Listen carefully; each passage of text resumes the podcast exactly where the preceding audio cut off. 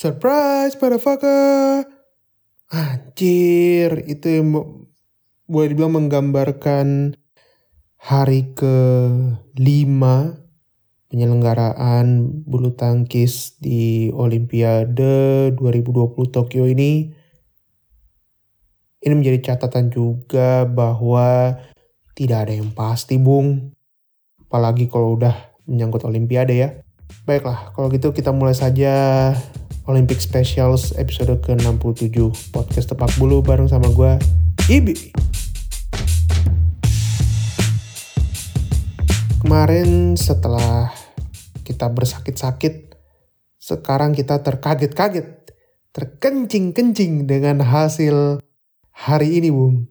Gila sih emang. Kalau boleh dibilang mestinya kita sudah harus bersiap diri gitu ya. Andai kata banyak kejadian yang mengejutkan di Olimpiade. Gitu guys. Tapi kan nggak nyangka aja gitu ya. Yang lu lihat hari ini gitu ya. Ini direkam pada hari Rabu Well, huh. Gue harus mulai dari mana ya? Mungkin lebih enak gue mulai dari ketika gue bangun pagi gitu ya. Karena pertandingan pertama itu dimulai pukul pukul 3 pagi dan pertandingan pertama yang gue tonton itu adalah Georgie. Nah, Georgie itu mainnya bagus banget sih kalau boleh gue bilang. Apa ya? Kayak somehow gue ngerasa di stage besar kayak gini tuh justru dia malah kayak lebih main gitu ya. Ketimbang ketika di tour dunia yang kadang kita suka ngeliat dia agak lemes gitu. Mungkin gitu, mungkin ini sotoy gue aja atau apa ya. Kayaknya pemain kayak Georgie emang dibikinnya tuh cuman buat stage-stage gede aja gitu.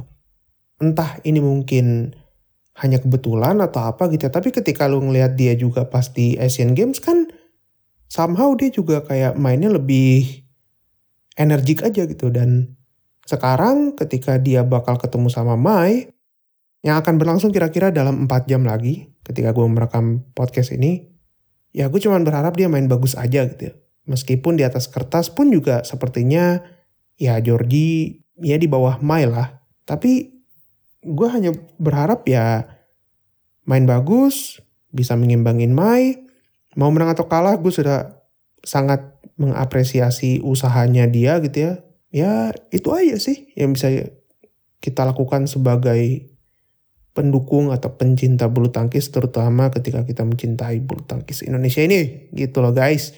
Huh, itu satu ya. Terus kalau ngomongin soal Pramel, well harus gua akui ini agak dilematik dari segi bagaimana kita memaklumi kekalahan ini. Ya kalau kalian baca berita kayak ini terlalu membebankan Pravin 80% dengan melatih 20% atau apa segala macam. Kemudian ada yang bilang kayak ya kurang bagus aja atau mungkin lawannya terlalu ngege gitu ya.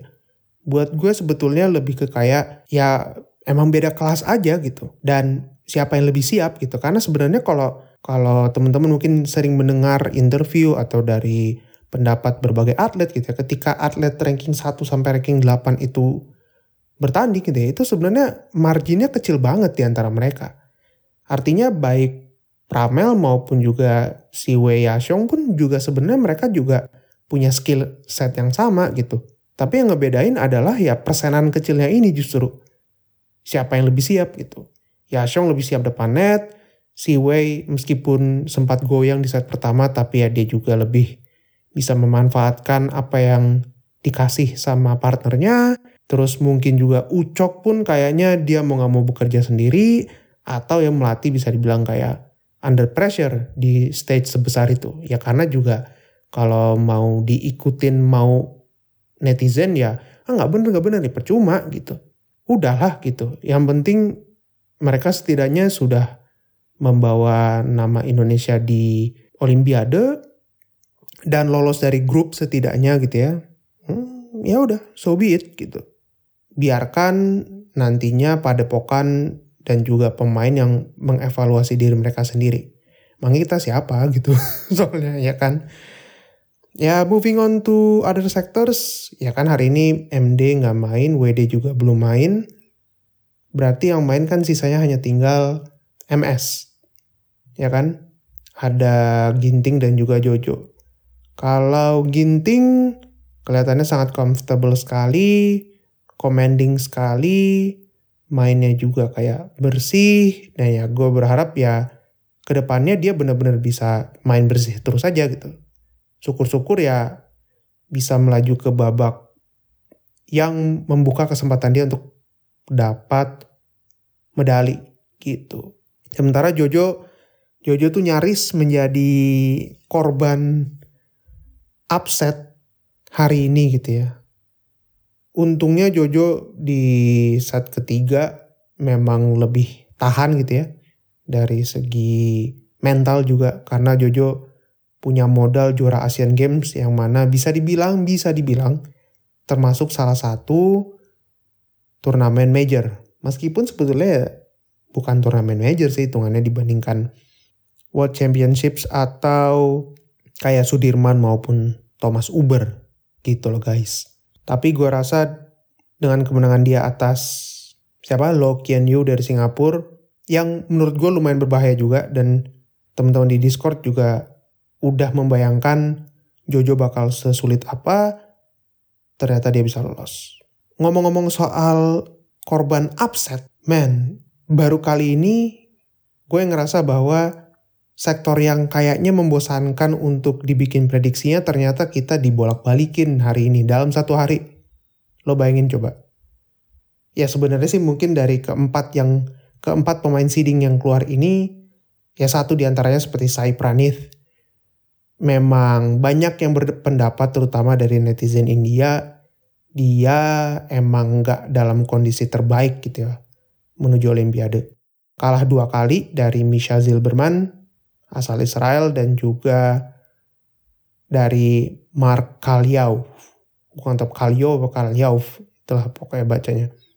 Sementara korban kedua yaitu Gan atau Kantapon Wangcharan bisa dibilang juga sama, tidak dalam kondisi prima. Kalah dari pemain non unggulan asal Inggris Toby Penty Gue gak nonton sih matchnya, tapi gue rasa banyak yang bilang Toby Penty layak banget mainnya, layak untuk melaju ke babak 16 besar. Jadi, well, congratulations buat Toby Penty. Semoga dia bisa melaju lebih jauh. Lalu korban ketiga yaitu Engkalong Angus. Kalah juga.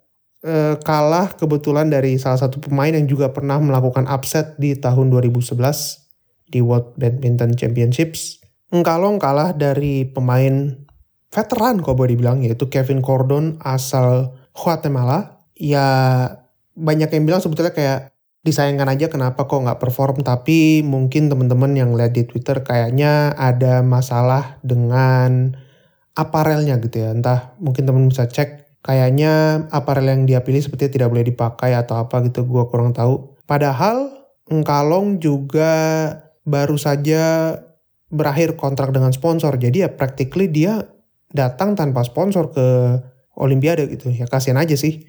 Dan korban terakhir dari upset ini surprisingly or not surprisingly or unsurprisingly Kento Momota. Number one seed, pemain unggulan, world number one, tuan rumah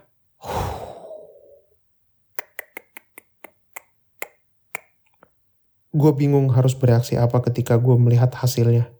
Asli. Asli. Ketika gue tahu, begitu gue selesai nonton, gue lupa nonton apa. Saat pertama gue nggak nonton, dan ternyata ketinggalan melawan pemain asal Korea, Heo Kwang Hee. Man, gue udah berpikir kayak, apakah ini jalannya gitu. Bahwa ternyata memang Kento Momota dengan Olimpiade nggak berjodoh gitu ya gue nggak tahu. Ini kebanyakan cocok logi doang gitu ya. Tapi tapi 2016 terganjal kasus judi 2020 selain corona dia juga mengalami kecelakaan. Dan sekarang ketika sudah masuk pentasnya dia malah nggak lolos grup. Men aduh gila. Gila gila. Gue ngomongnya berat banget sih asli. Asli berat banget berat banget ya Allah. Tapi banyak yang bilang sebetulnya ini beban yang sangat berat dipikul oleh seorang Kento Momota gitu ya.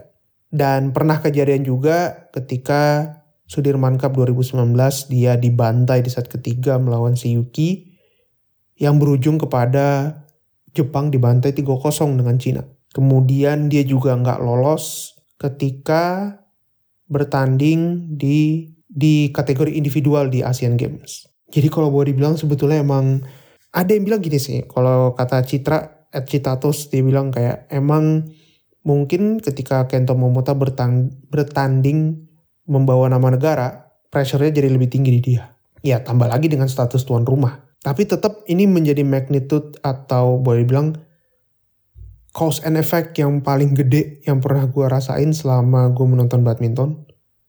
Bahkan sampai-sampai kayak Mas Ferry aja tuh bilang kayak udah gila nih Olimpik asli. Gue baru kali ini ngeliatnya sampai begitu gitu.